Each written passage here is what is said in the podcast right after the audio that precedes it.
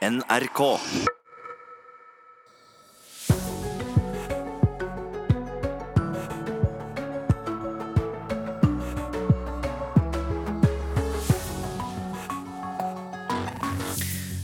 Er Nyhetsmorgen i gang denne første dagen i august. Det skal fortsatt handle mye om situasjonen i Sunnfjord etter rasene på tirsdag. Telenor har fortsatt problemer med mobilnettet og internettsambandet i deler av Jølster og Gloppen. Og vi spør bl.a. om det er mulig å sikre seg mot denne typen ras. Helsepolitikk var nok en gang et viktig tema da ti av de som ønsker å bli demokratenes presidentkandidat, møttes i en TV-sendt debatt i natt. Sjokkerende høyt, det er karakteristikken fra FN når det gjelder tallet på sivile som blir drept og såret i Afghanistan. Tidligere FN-utsending til landet Kai Eide er gjest denne første halvtimen av Nyhetsmorgen. Som du i dag får med Anne Gjertlund Hansen eh, i studio. Uværet og flere ras tirsdag kveld preger fortsatt flere lokalsamfunn i Sunnfjord. Politiet bekreftet i går at en bil ble tatt av raset på sørsiden av Jølstravatnet tirsdag kveld. En mann i 50-årene er fortsatt savnet. Jordrasene kom svært overraskende, bl.a. på gården Slåtten, rett vest for Vassenden i Jølster. Oi, Familien sto og fulgte med på uværet da jordraset kom nedover fjellet og marken på gården Slåtten i Jølster tirsdag kveld. Sønnen Jakob filma og ropte. Vi må vekk herifra, pappa! Vi må vekk! Vi skal vekk! En mann i 50-årene er fortsatt savna etter at bilen han kjørte ble tatt av raset over fylkesvei 451 ved Årsnes på sørsida av Jølstravatnet. Politiet antar nå at han har omkommet. Bygninger, veier, strømforsyning og mobilnett fikk store skader. Ordfører Oddmund Klakegg i Jølster sa i går at dem som ville vekk fra tettstedet Vassenden, der mye er ødelagt, fikk tilbud om skyss derifra. Frivillige har gått med båt til Ålhus, der folk kan komme seg videre med buss. Så er det en del som har bilene innelåst kan du si, i området, og de må nok vente enda litt før eh, kjøretøyene kommer ut. Uten strøm, uten mobildekning, hvor krevende dette har vært for kommunen? Dette har vært en veldig krevende sak for kommunen, og det har vært en krevende sak for alle som har vært involvert. Og, og det er jo ikke rent få, det er veldig mange som òg har gjort et frivillig stor innsats for å få denne saka eh, til å, å, å, gå sånn som den går. Hva blir det viktigste nå i tida som kommer? En ser jo at Vassenden sentrum er veldig ødelagt. Det er et uh, veldig stort oppryddingsarbeid, og, og, eh, det blir på en måte neste fase i det. Nå i starten så er det å ta vare på folk og, og helsa, og, og at de pårørende får sine svar. Reportere her det var Kjartan Røslett og Asgeir Reksnes. Reporter Bård Siem, du er i Vassenden i Jølster. Hva er situasjonen der akkurat nå? Ja, Situasjonen her er som det er nevnt i reportasjen foran her, er, nå er det mulig for de som ønsker det, å komme seg ut. Og det er kolonnekjøring i begge retninger. Men klart at situasjonen har vært veldig dramatisk for de som bor her. Det har vært uvirkelig. Det har gått ras på alle kanter, for å si det sånn. Og det er veldig tragisk med den mannen i 50-åra som er savna. Ja, hva vet vi om han nå? Nei, eh, det mm, skal eh, Det blir planlagt å starte søk med miniubåt utpå dagen. Eh, det har Vannet der er nå veldig mm, grumsete og brunt, for det er veldig store mengder som kom ut i vannet. Dette var et ras på over 100 meters bredde. Så klart at leteforholdene der er nok ikke enkle. Så får politiet kritikk i denne situasjonen. Hva går denne kritikken ut på? Ja, vi har snakka med um, en rekke personer her. Vi har gått rundt her nå siden raset, raset gikk. Og kritikken går på at det er politiet Det er altfor få politifolk her. De politifolka som har vært her, de har uh, jobba etter beste emne og sikkert gjort en veldig god jobb, men det er altfor få politifolk. Det var en stund tre, og så gikk det ned til to personer. To politifolk da, som skal håndtere en så stor krise krise som har vært her, det er nesten umulig oppgave for de to. Så folk skjønner ikke hvorfor eh, det har vært så lite politifolk her. Ehm, og så er det også en annen ting som eh, folk stusser over. Det er at eh, det er flere som har sett at det var en bil som gikk inn i raset. Jeg snakka med en i går kveld som sto på Så hørte jeg forferdelig leven, gikk ut på terrassen og så da at denne bilen kjørte inn i raset, og så at bilen var tatt i vannet. Og så uh, går politiet ut med en pressemelding dagen etterpå der, de, eh, der de skriver at det har gått ei rekke ras i området, men per nå er det ikke noe som tyder på at noen personer er tatt av raset. Det, det går ut på den måten samtidig som, som flere personer har sett at det ikke er i raset, og det, og det er rapportert inn. Så, så det forstår ikke folk. Så sier teleselskapene at de jobber med å bedre tilgangen på telefon og internett. Er det noe dere merker at eh, blir bedre nå? Ja, altså Det har vært eh, nede her. Og det har vært veldig, veldig vanskelig å kommunisere da, pga. at eh, det ikke har vært råd å ringe. sant? Og og En stund så var det eh, helt umulig å nå ut herifra. Men nå, eh, nå kommer vi oss nå på wifi. da. Nå er jeg inne på wifi her jeg sitter nå.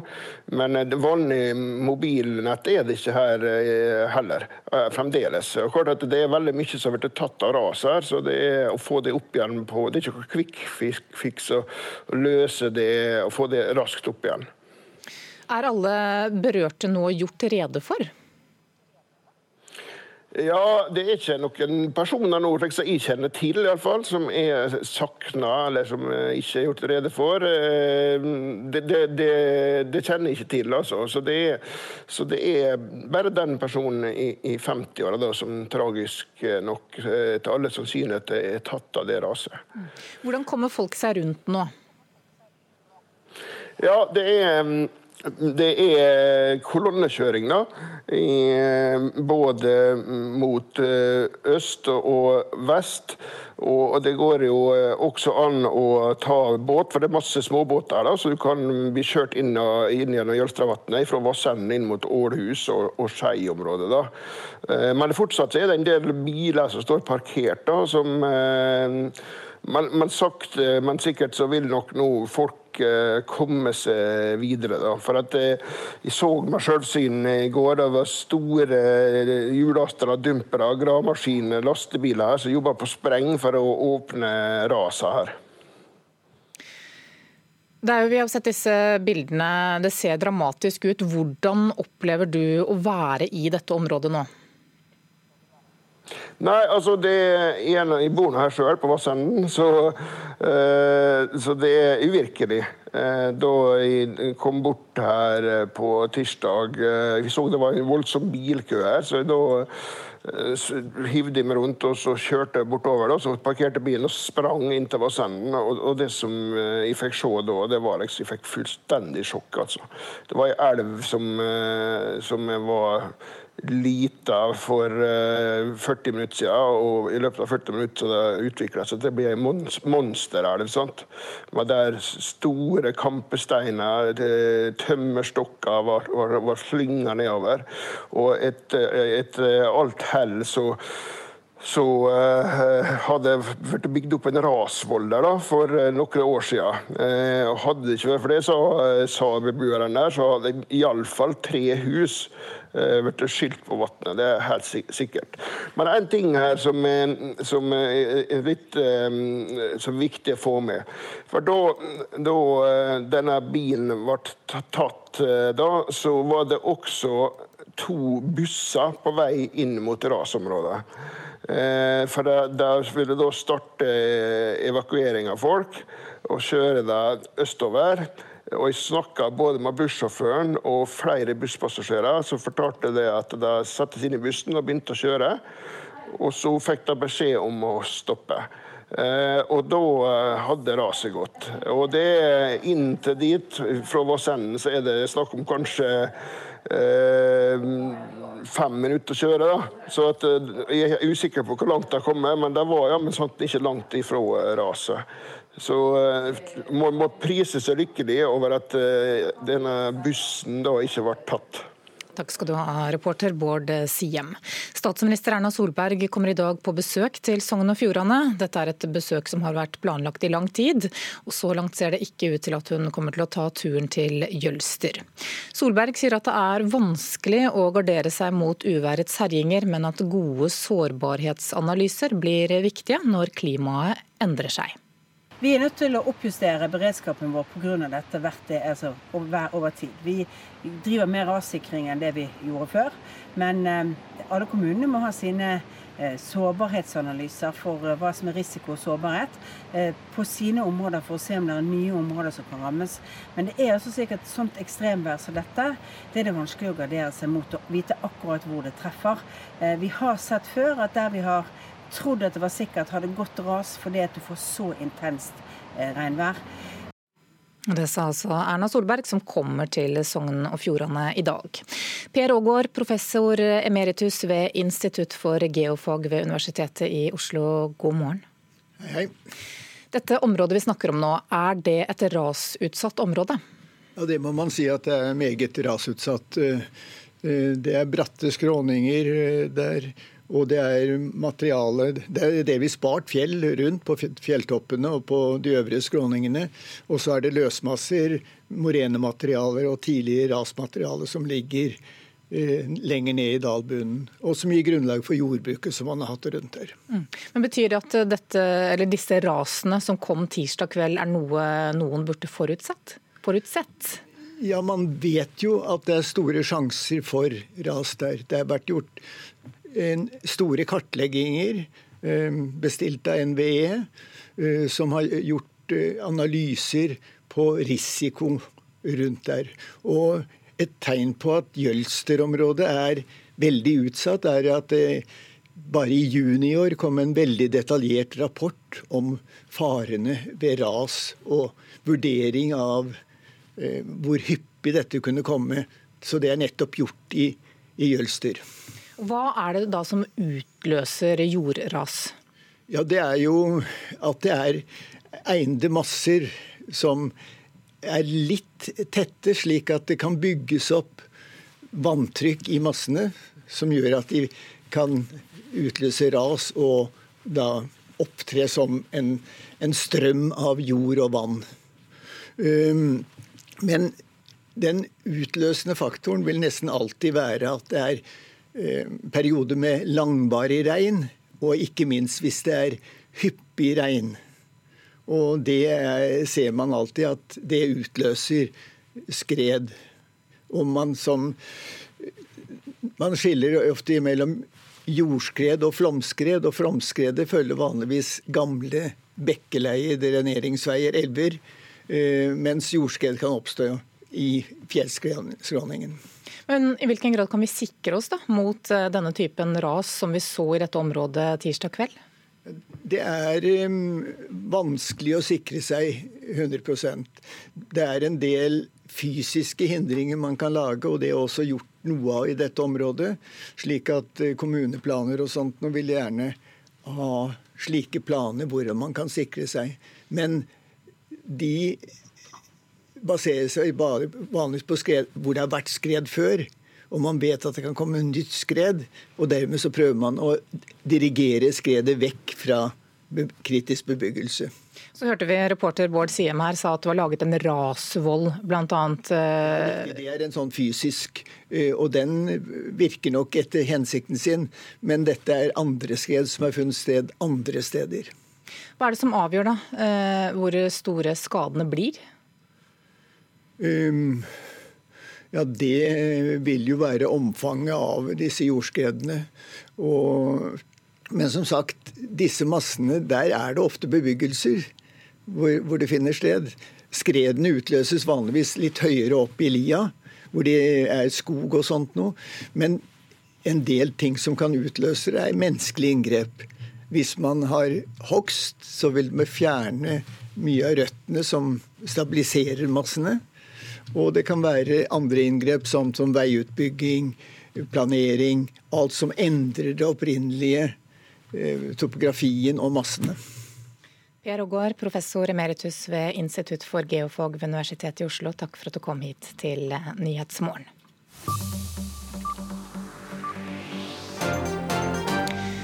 skal vi se på hva som skjedde mens du sov. En person mistet livet i en trafikkulykke i Meløy i Nordland i natt. Det var tre personer i bilen eh, da den kjørte av veien. De to andre er fraktet til sykehus, ifølge politiet. En mann og en kvinne ble alvorlig skadd da båten deres gikk på et skjær utenfor Namsos i natt. Begge får nå behandling på sykehus. En person på land ringte politiet klokka kvart på to i natt og fortalte om et høyt smell ute i sjøen. Alle nødetatene ble varslet, og på et skjær i fjorden utenfor Namsos fant nødetatene båten og de to skadde på land. Det har i natt pågått søk i fjorden for å finne ut om flere personer var involvert i ulykken, men politiet har nå konkludert med at det ikke var det. I Vestfold leter politiet etter en mann i forbindelse med en brann i et bolighus i Tønsberg i natt. Et vitne har forklart at eh, en mann løp vekk fra huset like før de begynte å brenne, og det er han politiet nå gjerne vil ha tak i. Ifølge politiet skal mannen være rundt 180 cm høy, ha mørkt brunt hår og mørk hettegenser. Ingen ble skadd i brannen, men huset er eh, totalskadd. Dette får du vite mer om dersom du følger med på NRK Nyheter eh, i dag.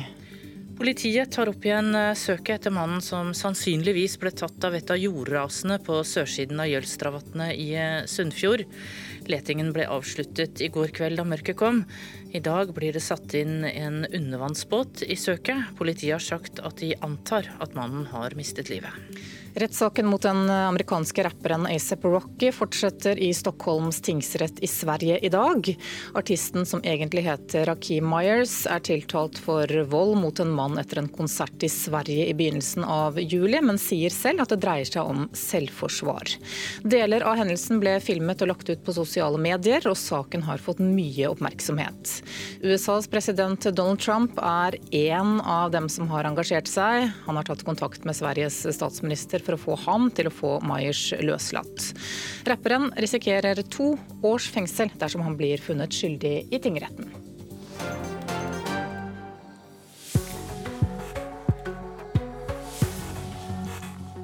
Klokka er 7.20 nå. Du lytter til Nyhetsmorgen. Dette er hovedsaker hos oss. Teleselskapene bør få bedre beredskap ved naturkatastrofer. Det mener regjeringen. En undervannsbåt skal i dag bidra i letingen etter mannen som er savnet etter jordras i Jølster. Og politiet undersøker om en husbrann i Tønsberg i natt kan ha vært påsatt. Vi skal til USA nå. Demokratenes toppkandidat, tidligere visepresident Joe Biden, ble angrepet fra alle kanter under presidentkandidatenes TV-debatt i natt. Dette var dag to av debattene mellom ti demokratiske presidentkandidater. Obamas tidligere visepresident ligger nå langt foran de andre kandidatene på meningsmålingene, men spørsmålet er om Biden er god nok til å slå Trump. Secretary Castro, please, yeah, uh, first of all, Mr. Vice President, it looks like one of us has learned the lessons of the past and one of us hasn't. Let me begin by telling you Mr. Vice President, you can't have it both ways. Um, Mr. Vice President, there's a saying in my community: you're dipping into the Kool-Aid and you don't even know the flavor. Uh, you need to, you need to come to the city of Newark. Mr. Vice President, you didn't answer my question. We are a country of immigrants, all of us, all of us. Some here came against their will. Others came because they, in fact, thought they could fundamentally change their lives, and they did. Ja, Tove Bjørgaas, utenriksmedarbeider her i NRK, tidligere USA-korrespondent. Du har fulgt debatten i natt. Hvilket inntrykk gjorde favoritten eh, Biden der? Han virket eh, litt sånn usikker og ikke og litt defensiv. Og, og, og, I likhet med i forrige debatt så var han ikke så overbevisende som mange av kommentatorene trodde at han, han ville være, fordi han leder så mye på meningsmålingene, og fordi han er den som velgerne tror da, faktisk kan slå Donald Trump. Så han, han ble angrepet om mange temaer og klarte ikke å forsvare seg så veldig godt. Betyr det at han var på defensiven, rett og slett? Ja, det er det analysene etter debatten tyder på. Det var det jeg også opplevde. Man får liksom ikke helt overbevist om at han øh, kan stå på en debattscene sammen med Donald Trump og klare å å slå tilbake så hardt som vil være nødvendig. Vi har sett Donald Trump i TV-debatter og husker hvordan det var da han stilte til valg mot Hillary Clinton. Og det er jo det alle eh, Det er det man, man tenker på i USA når man, når man, tenker på det som skal skje i valgkampen til neste år. Mm, og Så ble eh, Biden da angrepet av konkurrenter fra flere hold. Eh, hva var det de ville ha svar på i natt? De mener jo at han er for moderat i partiet, at han står for langt til høyre. Og han ble angrepet både i forhold til innvandringspolitikk, helsepolitikk, kriminalpolitikk fra langt tilbake når han satt i, i Senatet, og også rasemotsetninger, som har vært et stort tema siden forrige debatt. Men er demokratene tjent da med å, å krangle med hverandre? Det er jo et annet spørsmål her. Mange mener at Donald Trump vant debatten i natt fordi han ble angrepet i mye mindre grad enn det Biden ble. Eh, selv om mange i sine åpningsinnlegg sa at dette er jo det viktigste nå er å slå Trump, så er det klart at splittelsen er tydelig i partiet. Men samtidig så er denne nominasjonskampen kampen om sjelen til det demokratiske partiet. Det er store bevegelser i det politiske landskapet i USA. Hvor skal dette partiet? Det er et viktig spørsmål demokratene må, må svare på. Så var det så mange som hadde høye forventninger til Kamala Harris. Eh, vi skal høre litt på henne. I think that you should really think about what you're saying, but be reflective and understand that the people of America want access to health care and do not want cost to be their barrier to getting it. Did anybody tell you how much their plans cost? My plans cost $750 billion. That's what it costs, not $30 trillion. Thank you, Mr. Vice President. Dette er altså krangling mellom Harris og Biden om tilgangen eh, til helseforsikring. Eh, hvordan leverte Harris i debatten i natt? Hun var heller ikke så god som hun var i den forrige debatten. Eh, det ble pekt mer på Elizabeth Warren, som debatterte i går, at hun kanskje er den som har vært best i disse to siste debattene som har vært i USA. Hva slags konkurrent er hun når det gjelder hvis hun skal nå opp mot Biden f.eks.? Hun står mye lenger til venstre. Hun ønsker store strukturelle endringer, sier hun, i, i bl.a. hvordan skatt man skattlegger selskaper i USA. Hun ønsker en helseordning som ligner den vi har i Norge. Eh, så hun står på et helt annet politisk sted også enn Kamala Harris. Tusen takk skal du ha, Tove Bjørgaas. Vi skal videre til et tema som vel opptar mange i USA også, nemlig situasjonen i Afghanistan. Volden der øker. Minst 34 busspassasjerer ble drept da en veibombe eksploderte i Farah-provinsen vest i landet i går. Og så langt i år har over 1300 sivile mistet livet i konflikten. Angrepet skjedde etter at FN på tirsdag uttalte at tallet på sivile som, ble, som blir drept og såret i Afghanistan fortsatt er sjokkerende sjokkerende høyt. Og tidligere FN-utsending til Afghanistan, Kai Eide, god morgen. God morgen. Hvordan vil du beskrive situasjonen i Afghanistan i øyeblikket? Mm, det er nok riktig at volden eh, går opp, og, og eh, antall sivile drepte særlig eh, har gått opp de siste månedene. De første tre månedene var roligere pga. hardt vintervær. Men dette har jo vært en trend vi har sett over mange år. I tillegg så kommer det at man befinner seg i fredsforhandlinger, paradoksalt nok. Og det har nok ført til også at uh, partene posisjonerer seg. Og vi har sett en, en uh, kraftigere uh, voldsspiral den siste tiden. Ja, hvordan er virksomheten nå når det gjelder å få i gang fredssamtaler? For øyeblikket, må jeg si, i, dag morges så er jeg mer optimistisk enn det jeg kanskje har vært de siste dagene.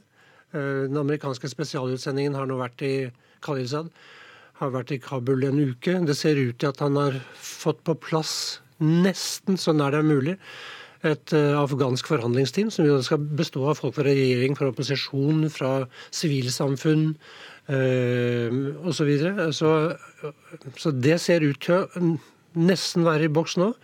Så drar han videre til Doha, og han vil da Eh, forsøke å legge siste hånd på verket når det gjelder en, en, avtale med Taliban om tilbaketrekking av amerikanske styrker.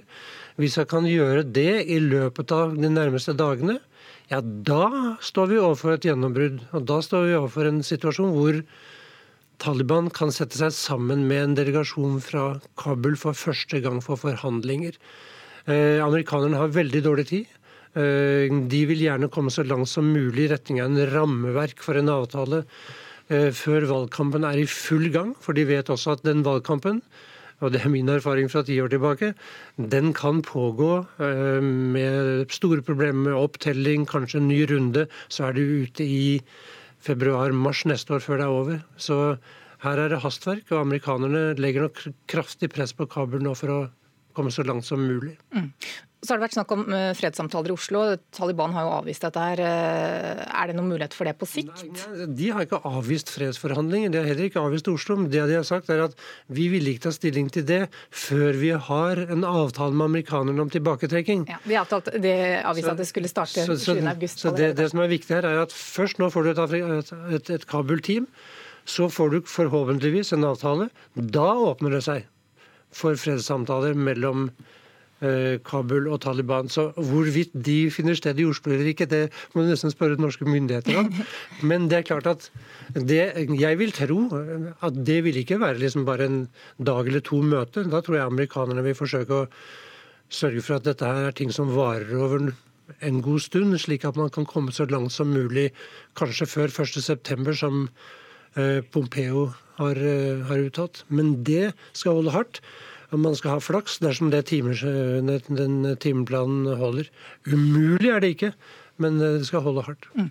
Det har vært snakk om fredssamtaler i årevis. Eh, eh, hva skal til da, for å lykkes? Altså, det som skal til nå, først og fremst, er som jeg nevner, en avtale med Taliban. Eh, som utløser forhandlinger mellom de afghanske partene.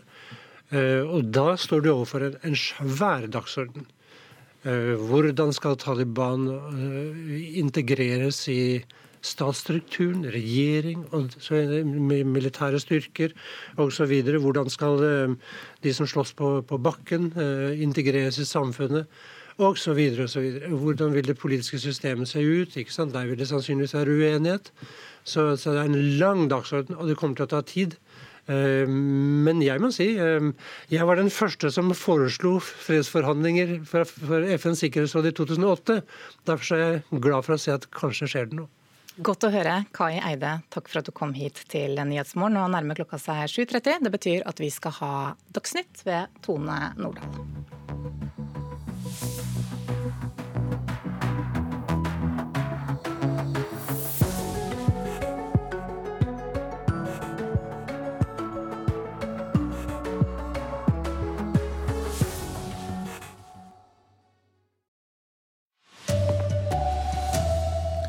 Teleselskapene bør få bedre beredskap ved naturkatastrofer, mener regjeringen.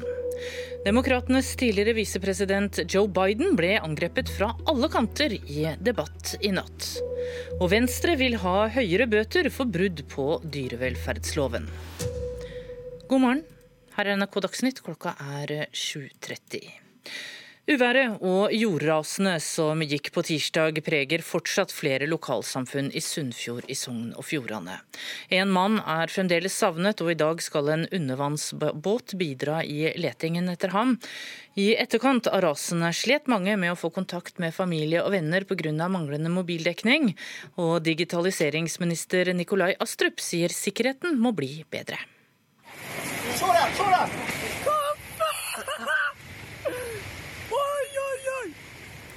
Familien sto på gården Sletten i Jølster og fulgte med på uværet da jordraset kom nedover fjellet. Sønnen Jakob aner at dette kan bli farlig. En mann i 50-årene er fortsatt savnet etter at bilen han kjørte ble tatt av et av jordrasene ved Jølstravatnet i Sogn og Fjordane tirsdag kveld.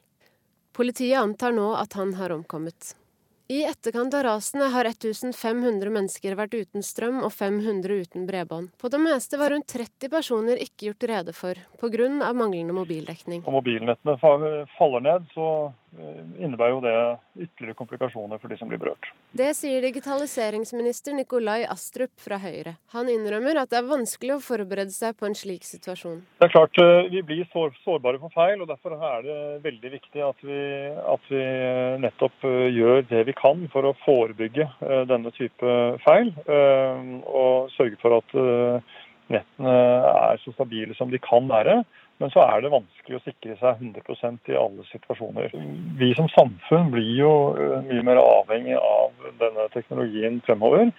Stadig flere tjenester tilbys digitalt. og Det betyr at når eh, vi får eh, hendelser, så, så, blir vi også mer sårbare og konsekvensene blir større. Og Det betyr at eh, sikkerheten og robustheten med de løsningene vi velger må bli enda bedre i fremtiden enn det de er i dag. Eh, og det må vi gjøre i samarbeid med de selskapene som bygger ut denne type infrastruktur. Og teleselskapene jobber nå for å rette feilene, slik at alle i området får tilbake nett og mobil. Reportere var Pernille Solheim og Roy Råsholm Fauske. Reporter Linda Olin Reite, du er med oss fra Vassenden i Jølster. og Hva kan du si om situasjonen der nå? Seint i går kveld, da eh, klarte de å få sluppet alle som ønskte det, eh, ut av Jølster. De hadde kolonnekjøring i eh, begge veier, begge veier, både nordover og sørover. De regna med at E39 kan bli åpna i løpet av dagen, men jeg var jo så på disse her veiene i går. Og klart er gjort veldig store skader på E39, spesielt der raset har gått Eh, gjennom byggefeltet rett ved her jeg står. Eh, men eh, etter å ha venta lenge da, fordi at det var usikkert oppe i fjellsida, så kom gravemaskinen i gang med ryddinga i går, og da gikk det ganske radig. Men elvene har jo fortsatt gått over veien i stedet for under veien, så det er jo fortsatt en del opprydning som gjenstår. De jobber i hele natt med å få Eh, vannet den veien det skulle. Så eh, nå blir det nok en ny vurdering nå på morgenkvisten om når det får åpna veiene. Og Det er jo klart det er det som har vært det mest kritiske eh, for alle de som har vært innesperra her, at de ikke har visst når de kan komme seg herifra. Har man nå oversikt over alle innbyggere og folk som var i området? Ja, nå er alle gjort greie for, eh, bortsett fra han som da er sakna etter det raset. Alle har fått lov å flytte hjem. Ingen overnatta i natt på evakueringssenteret på skolen. Eh, noen valgte å bli igjen fordi at de ikke syntes det var trygt eh, eller opplevde det som utrygt å reise herifra. Men de som ønsket det, fikk komme hjem i går. Takk Linda Olin Reite med oss fra Vassenden i Jølster. Vi skal til USA nå. Demokratenes tidligere visepresident Joe Biden ble angrepet fra alle kanter under presidentkandidatenes TV-debatt i natt. Dette var den andre debatten mellom de 20 politikerne som vil bli demokratenes presidentkandidat. First of all, Mr. Vice President, it looks like one of us has learned the lessons of the past and one of us hasn't. Mr. Vice President, you can't have it both ways. Um, Mr. Vice President, there's a saying in my community you're dipping into the Kool Aid and you don't even know the flavor. Mr. Vice President, you didn't answer my question. Ja, mange spørsmål til Biden der. Tove Bjørgaas, utenriksmedarbeider her i NRK, tidligere USA-korrespondent. Du var oppe og fulgte debatten i natt. Hvilket inntrykk fikk du av Biden, som jo er favoritt? Han var nokså defensiv og klarte ikke alltid å forsvare seg like godt mot disse angrepene. Han snublet eh, også noen ganger og virket ikke så veldig inspirert. Slik var det også i den forrige debatten i slutten av juni. Og han leder altså veldig på meningsmålingene, nettopp fordi mange tror det er han som kan slå Donald Trump. Så, så det er en viss uro nå rundt eh, dette blant eh, ekspertene i USA. Det er lenge igjen til valget i USA. Hvorfor er disse debattene så viktige? Det kan du spørre om det er lenge igjen, og det skal være én debatt i måneden fram til valget i november neste år. Men det er klart, det betyr jo veldig mye, også for oss her i Norge, hvem som er president i USA. Mange er opptatt av dette. Og, og denne prosessen som demokratene er inne i nå, er et slags sånn veivalg for partiet. Biden han står et stykke til høyre i partiet, mens andre kandidater, f.eks. Elizabeth Warren, som var med i debatt i går, hun står mye lenger til venstre. Jeg kan minne mer om en sosialdemokrat. Så nå skal partiet på en måte velge hvor de skal gå, og det er de veldig veldig uenige om. Ja, er de ikke bedre tjent med demokratene da, å, å enes om en kandidat og slutte å krangle? Jo, Det kan man si. Mange eksperter mente at det var Donald Trump som vant debatten i natt, fordi de angrep hverandre, og spesielt da Biden, i mye større grad enn de angrep Donald Trump. Og at det gir jo også bare mer mat til denne splittelsen i, i USA, og at demokratene ikke klarer å bli enige om hvilken vei de skal gå. Takk, Tove Bjørgaas. En debatt i måneden fremover, altså. Da får vi følge med. Mattilsynet må få mulighet til å straffe brudd på dyrevelferdsloven hardere, mener Venstre. Partiet reagerer kraftig på at et slakteri som omsetter for over 1 milliard kroner, slipper unna med et gebyr på 23 000 kroner for å ha skålet en gris som kan ha vært i live. Det svir ikke på skinka for det slakteriet som opplever å få en så liten bot. Jeg tenker at det ikke avskrekker dem fra å, å svikte rutinene sine igjen. Stortingsrepresentant Kjetil Kjenseth fra Venstre mener at Mattilsynet må få mulighet til å gi strengere bøter til næringsdrivende. Dette etter at Furuset slakteri på Romerike fikk et varsel om et gebyr på 23 000 kroner, etter at de tidligere i sommer skållet en gris som kan ha vært i live. Slakteriet omsetter årlig for over 1 milliard kroner. Det er altfor lavt eh, den straffen som slakteriet får. At vi må opp i sekssifra beløp for å for å statuere eksempler som gjør at de skjerper rutinene sine. Det, det skal ikke skje at en skåler en gris i livet. Harald Furuseth, som eier slakteriet der lovbruddet skjedde tidligere i sommer, svarer slik på Venstres utspill. Ja, det er ikke gebyrets størrelse som er avgjørende for eh, våre prioriteringer. Eh, vi forsøker å følge det regelverket som regulerer vår type virksomhet, uavhengig av eh, gebyrstørrelsen som gis ved overtredelse. Landbruks- og matminister Olaug Bollestad ønsket ikke å svare på spørsmål fra NRK om denne saken. Reporter var Vegard Vendli. Lopper i hotellsenga er ikke noe man ønsker seg på ferie. Men det er ikke ofte det går så galt som det gikk for Lene Enlien. Hun endte opp på sykehus på ferien i Egypt. Det var vondt, men eh, jeg visste ikke hva jeg skulle gjøre. Alle som jobba på hotellet sa at det var mygg. Lene og sønnen var på ferie i Sharm el Sheikh da Lene våkna med beinet fullt av bitt. Utover ferieuka blei hun dårligere og dårligere med feber. Beina hovna opp, og hun klarte nesten ikke å gå. Hun kom seg til en lege som konkluderte med at det var loppebitt. De kom med en telefon seinere som eh, viste meg bilder av lopper, og de spurte om det var det som hadde vært i senga mi, og det er det. Ja, For du så disse loppene i hotellsenga? Det gjorde jeg. Lene reiste med turoperatøren Amisol, som holder til i Drammen. Daglig leder Gunder Mo tar historien til Lene på alvor. Nei, Vi tar det på det høyeste alvor, selvfølgelig, og imøtekommer gjesten i forhold til de behovene som måtte være aktuelle behandlingsmessig i hvert enkelt tilfelle. Det er ikke farlig i seg selv, men loppebit loppebitt har en tendens til å klø veldig sterkt. Og hvis man da begynner å klø intenst på disse stikkene, så kan man bane vei for andre bakterier som kan gi det vi kaller sekundære infeksjoner. Ja, det sa til slutt avdelingsdirektør Preben Ottesen i Folkehelseinstituttet. Reporter i dette innslaget var Tina Broch. Dagsnytt går mot slutten. Ansvarlig for sendingen var Anne Skårseth. Her i studio Tone Nordahl.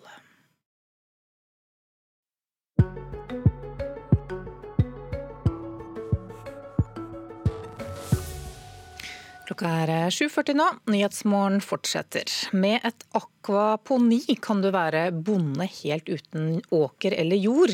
Naturlig Grønn bruker eh, avføring fra fisk som gjødsel, og mener at de er på sporet av fremtidens landbruk. Akvaponi er framtidens måte å produsere grønnsaker på. Da bruker vi rett og slett fisk, og så sirkulerer vi fiskeavføring inn i et biofilter. Og Der blir eh, rett og slett avføringa gjort om til nitrogen, som plantene gledelig kan trekke ut av vannet. Og så vokser de kjempebra etterpå. Det sier Christian Visnes i Naturlig grønn. Planter elsker fiskebæsj, noe Sandefjordsbedriften utnytter til det fulle. I et anonymt industribygg har de sitt eget lille økosystem hvor det vokser mikrogrønt. Små bladvekster og grønnsaker. Og Da står det noen dager i hyllelokalene sånn som dette her, før det blir sendt videre gjennom her sånn, og bort til pakkestasjonen der. Det er lett å tenke at det er unaturlig å gro grønnsaker i vann, og ikke i jorda, som på en måte er det mest eh, naturlige for oss mennesker å tenke. Og Akvaponi det er en nullutslippsmodell. Det er en måte å produsere grønnsaker innendørs på i en closed loop, sånn at vi slipper å slippe ut eh, kjemikalier, eller bruke kjemikalier i produksjonen. Hva man kan dyrke er ifølge Visnes nærmest ubegrensa, så lenge man har nok arbeidere.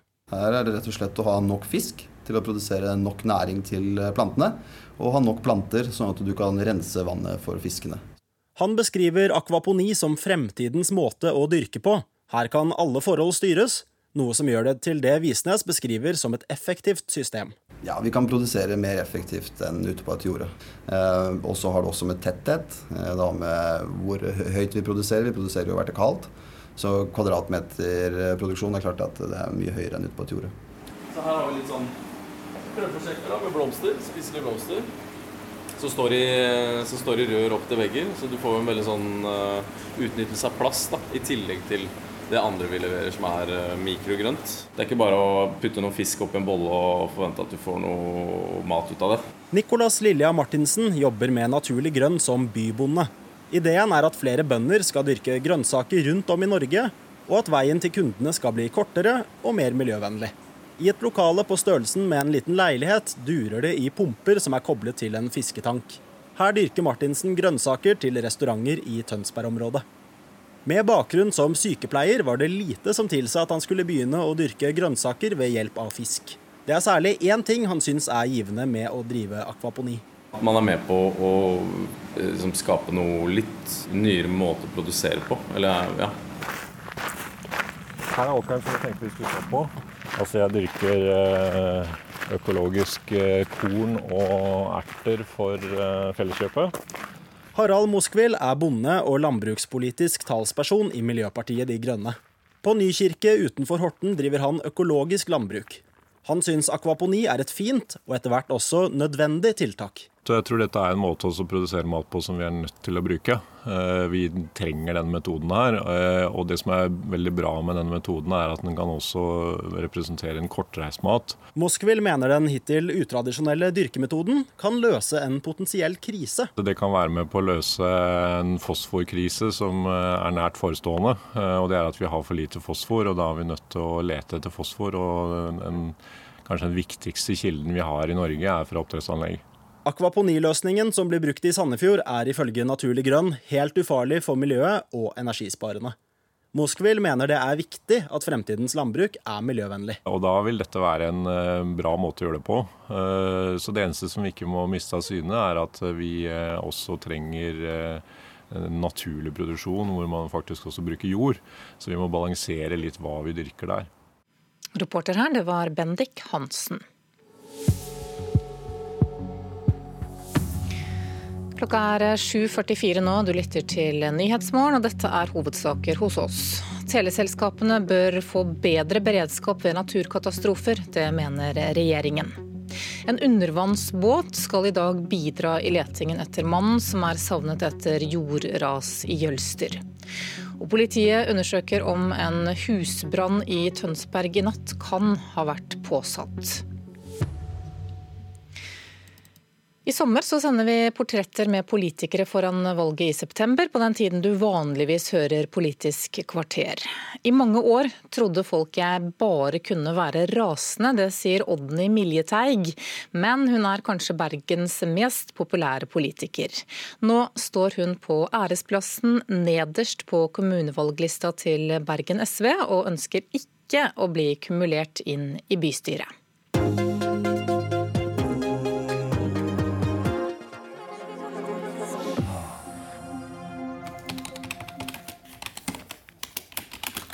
Hva er det du sitter og skriver på? Jeg driver og omsetter halve kommunevalgsprogrammet til SV i Bergen. Jeg omsetter det til nynorsk. Hvorfor det? Fordi Hva av deres viktigste slagord er det som er litt vanskelig å få over til nynorsk, da? Ulike mennesker, like muligheter. Det er ikke enkelt. Og så har vi jo eh, dette mest kjente slagordet vårt, 'del godene' del goder. Sant? Men uh, det har hatt så veldig gjennomslagskraft at det til og med jeg sier 'del godene'. Hvis jeg ikke hotter meg skikkelig. Del godo, vil det da hete på, for meg, da. Skapa for å dele godo? Ja, Kristin Halvorsen hadde da i en av sine landsmøtetaler For Arbeiderpartiet hadde jo sagt om, om at igjen, og sikkert Høyre òg, at en må skape for å dele. Så sa Kristin minst like viktig dele for å skape. Og folk blir jo iallfall ikke kreative av å være fattige. Annet enn at vi må bruke all sin kreativitet på å overleve. Er målsaka en slags fellesnevner for ditt politiske engasjement? Ja, du har eh, rett, tror jeg. Det var den første saka jeg virkelig engasjerte meg for på gymnaset. Inngangen min til gjerne alt mitt engasjement, det maktperspektivet som ligger i språkpolitikken og i målsaka, det finner en igjen alle plasser. Jeg husker en gang jeg intervjua deg om at du var den som hadde verva desidert flest til Mållaget. Midt i intervjuet så spør du om jeg er medlem. Det sier litt om engasjementet ditt, kanskje? Ja, men er du medlem? Fremdeles ikke. De er så gale! Nei da, men jeg har jo verva over 500 medlemmer til Norges Mållag.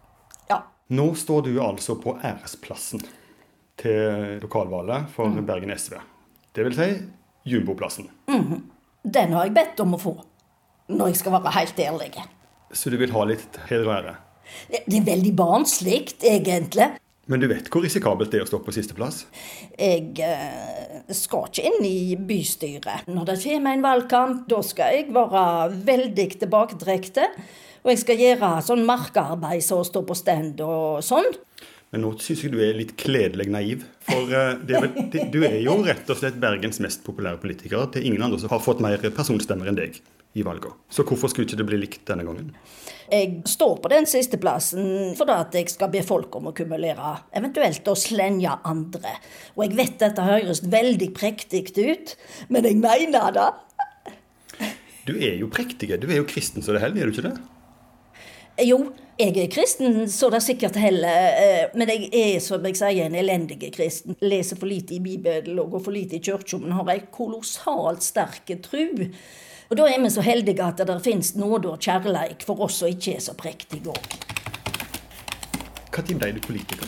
Jeg kom inn som vara i 1991. Så var jeg fire år fast. Så var jeg vara igjen. Og så har jeg faktisk i 16 år da, vært heltidspolitiker. Det er lenge. Men er det for lenge, eller orker du fire år til? Jeg orker ikke fire år til. Og jeg har jo hatt min trøbbel, mer enn utfordringer med, med helsa, så det er Jeg kunne aldri ha gått på, jeg, som fulltidspolitiker. Hva gjør du da hvis du likevel kommer inn? Jeg ser ikke for meg at jeg skal være ei sånn sjuende mor eh, for SV i bystyret. Du nevnte helseplagene. Det som skjedde var altså at eh, samme høsten som du ble nestleder i SV sentralt, så gikk det altså bare noen få måneder, og så fikk du påvist brystkreft. Og det parkerte deg som politiker i over to år. Det var rett og slett ved inngangen til valgkampen 2015 at jeg oppdaga denne kulen under armen, og, og derifra tøffe kreftbehandling, komplikasjoner. Det tok veldig lang tid før jeg hadde nok krefter til at jeg vågde å ta sjansen på å komme tilbake i bypolitikken. Jeg er fantastisk takknemlig for at jeg har fått lov til det. At jeg ikke bare feida vekk som eh, ei som hadde vært fryktelig syk og aldri kom seg til igjen. At du ikke ble rikspolitiker. Er du lei deg for det? Det hadde jo vært veldig gøy å prøve. Og så var det så mange som ønsket at jeg skulle nå bli den nestlederen. Med min stemme og mitt engasjement, for å si det sånn, at jeg skulle kunne høres mer enn i Bergen og Hordaland. Men når en har vært gjennom det som jeg har vært, så må jeg si at da tror jeg at de aller fleste er takknemlige for å være i live og i livet. Så jeg har ikke noe bitterhet Men har du vært viktig for SV nasjonalt? Noen kaller deg et slags korrektiv. Ja, jeg var vel ikke helt imot at SV gikk i regjering, men jeg var jo veldig skeptiske. Og jeg sa jo tydelig at jeg var imot på et tidspunkt. Og helt på slutten av regjeringsperioden vår, da mente jeg faktisk at vi fikk holde oss der pga. asylpolitikken. For jeg var livredd for hva som ville kunne skje med asylpolitikken hvis vi gikk ut av regjering, sånn at Arbeiderpartiet, Høyre og Frp var i åpen allianse. Skriver du Borna da, eller Bodno? Jeg skriver Borna, men jeg sier Bodno. Asylbodno, har det vært den viktigste fanesaka di?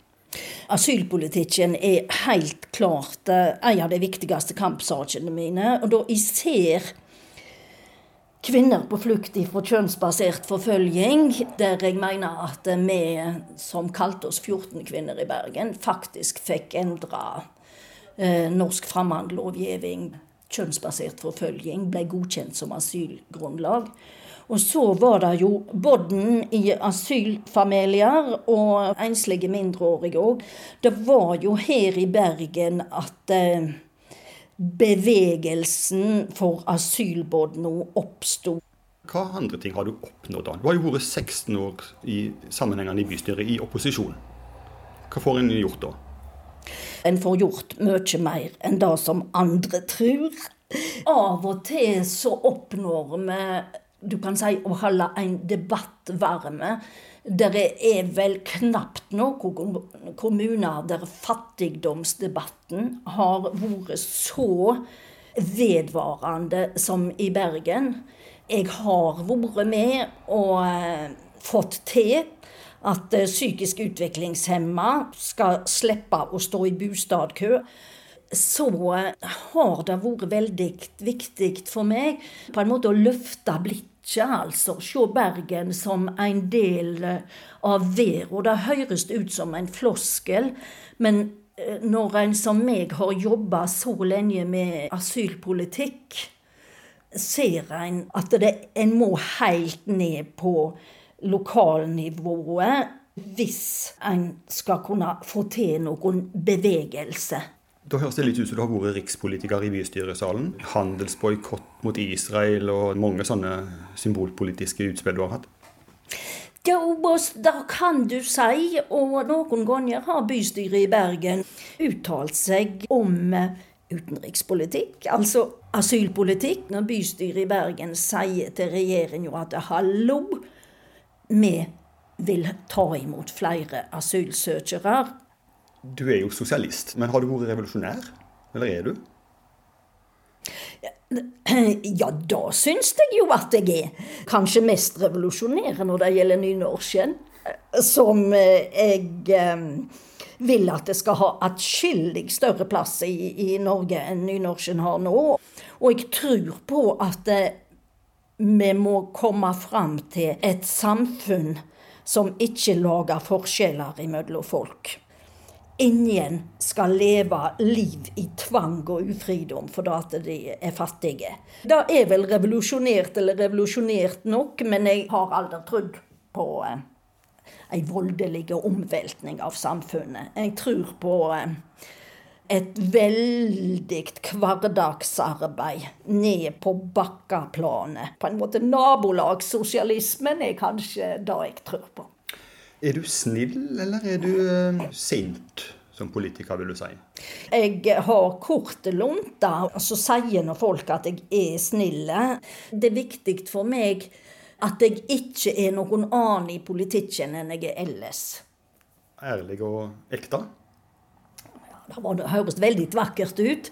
Jeg sier sikkert ikke alt jeg heller. Du vet, Hanna Kvanmo hun sa til Erik Solheim at uh, du skal bare si det som sant er, men du skal ikke si alt som er sant. Erkeborgerlige Kåre Willoch han har jo begynt å bli den reneste sosialisten etter hvert. Eh, han snakker nå om mye rart som han ikke gjorde før. Er du blitt like klok, altså at du er blitt mer eh, konservativ?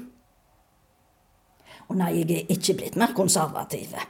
Så hvis Willoch og jeg har nærmet oss hverandre, så er det fordi at han har nærmet seg meg. Så da er ikke du så tvisynt som han etter hvert har blitt på sine gamle dager, da? Nei, jeg er ikke så tvisynt. Til det så eh, syns jeg at det er altfor mange ting som eh, krever at en er tydelig, og ikke tutler ting inn i for mange nyanser. Hva er det med gamlingene i bypolitikken i Bergen? Tor Voldseth i Fremskrittspartiet. Dere er jo noen luringer. Hvorfor er dere så populære begge to? Kanskje da at uh, vi er såpass upolerte. Ellers har jo vi to irritert oss voldsomt mye over hverandre. Men demokratiet på sitt beste er jo et veldig mangfold av folk, men som kan snakke i en demokratisk dialog. Ikke bare snakke om eller til hverandre. Og det er ikke sikkert at Tor Voldseth og jeg er de beste eksemplene. Du husker når vi snakket om åpne kontorlandskap. Da plasserte vi dere for å vise at sånn kan det bli på det nye rådhuset. Ja. Dere satt og fniste og kviskret til hverandre over lettveggene. Ja, altså Av og til føler jeg jo litt at vi er som et gammelt ektepar. For da at en blir jo kjente godt. Men det er jo den eneste gangen, tror jeg, at Tor Voldseth og jeg har kviskra til hverandre. Siden du nå kom tilbake etter sykdommen, så husker jeg to-tre utspill du har kommet med. Flere kvinnelige gatenavn i Bergen. Flere kvinnelige statuer. Ikke nakne, men påkledde. ja. Og å omsette 'Ja, vi elsker' til nynorsk. Og ta vekk dette med 'kvinnene sto og bare og gret'. Mm. Det med nasjonalsangen Jeg ble jo ønsket livet av, da, i kommentarfelt. Har du òg blitt trua på livet? Ja, den første valgkampen, drapstrusselen i 2003, da syntes jeg var forferdelig ekkelt. Etter hvert så vende jeg meg jo til den sjikaneringen da som kom i min vei. Og da tror jeg det er fryktelig viktig at vi ikke lar oss eh, skremme vekk. Men vi har det fremdeles eh, sånn hjemme hos oss at det er mannen min som åpner post der det ikke står avsender. Også, og kanskje særlig i Bergen, så er bompenger kommet opp som det store temaet. Hva tenker du om at eh, bompengepartiet får opp mot 25% av røystene på meningsmålingene nå? Hele den politiske orden i lokalpolitikken er skipla, og det er veldig uforutsigbart hva som kommer til å bli valgresultatet. Så håper jeg jo at eh, valgkampen vil kunne handle om andre ting. Skal vi berge både klima og miljø og naturen, så kan det være at vi må gå gjennom noe som er mer utfordrende enn det som iallfall Norge har opplevd de siste 50 åra. I starten her nå så sa du at eh, du hadde bedt om å få statsplassen nederst på lista, og få flere kvinnelige statuer i Bergen. Mm. Ja. Vil du ha statue òg? Å nei! nei da!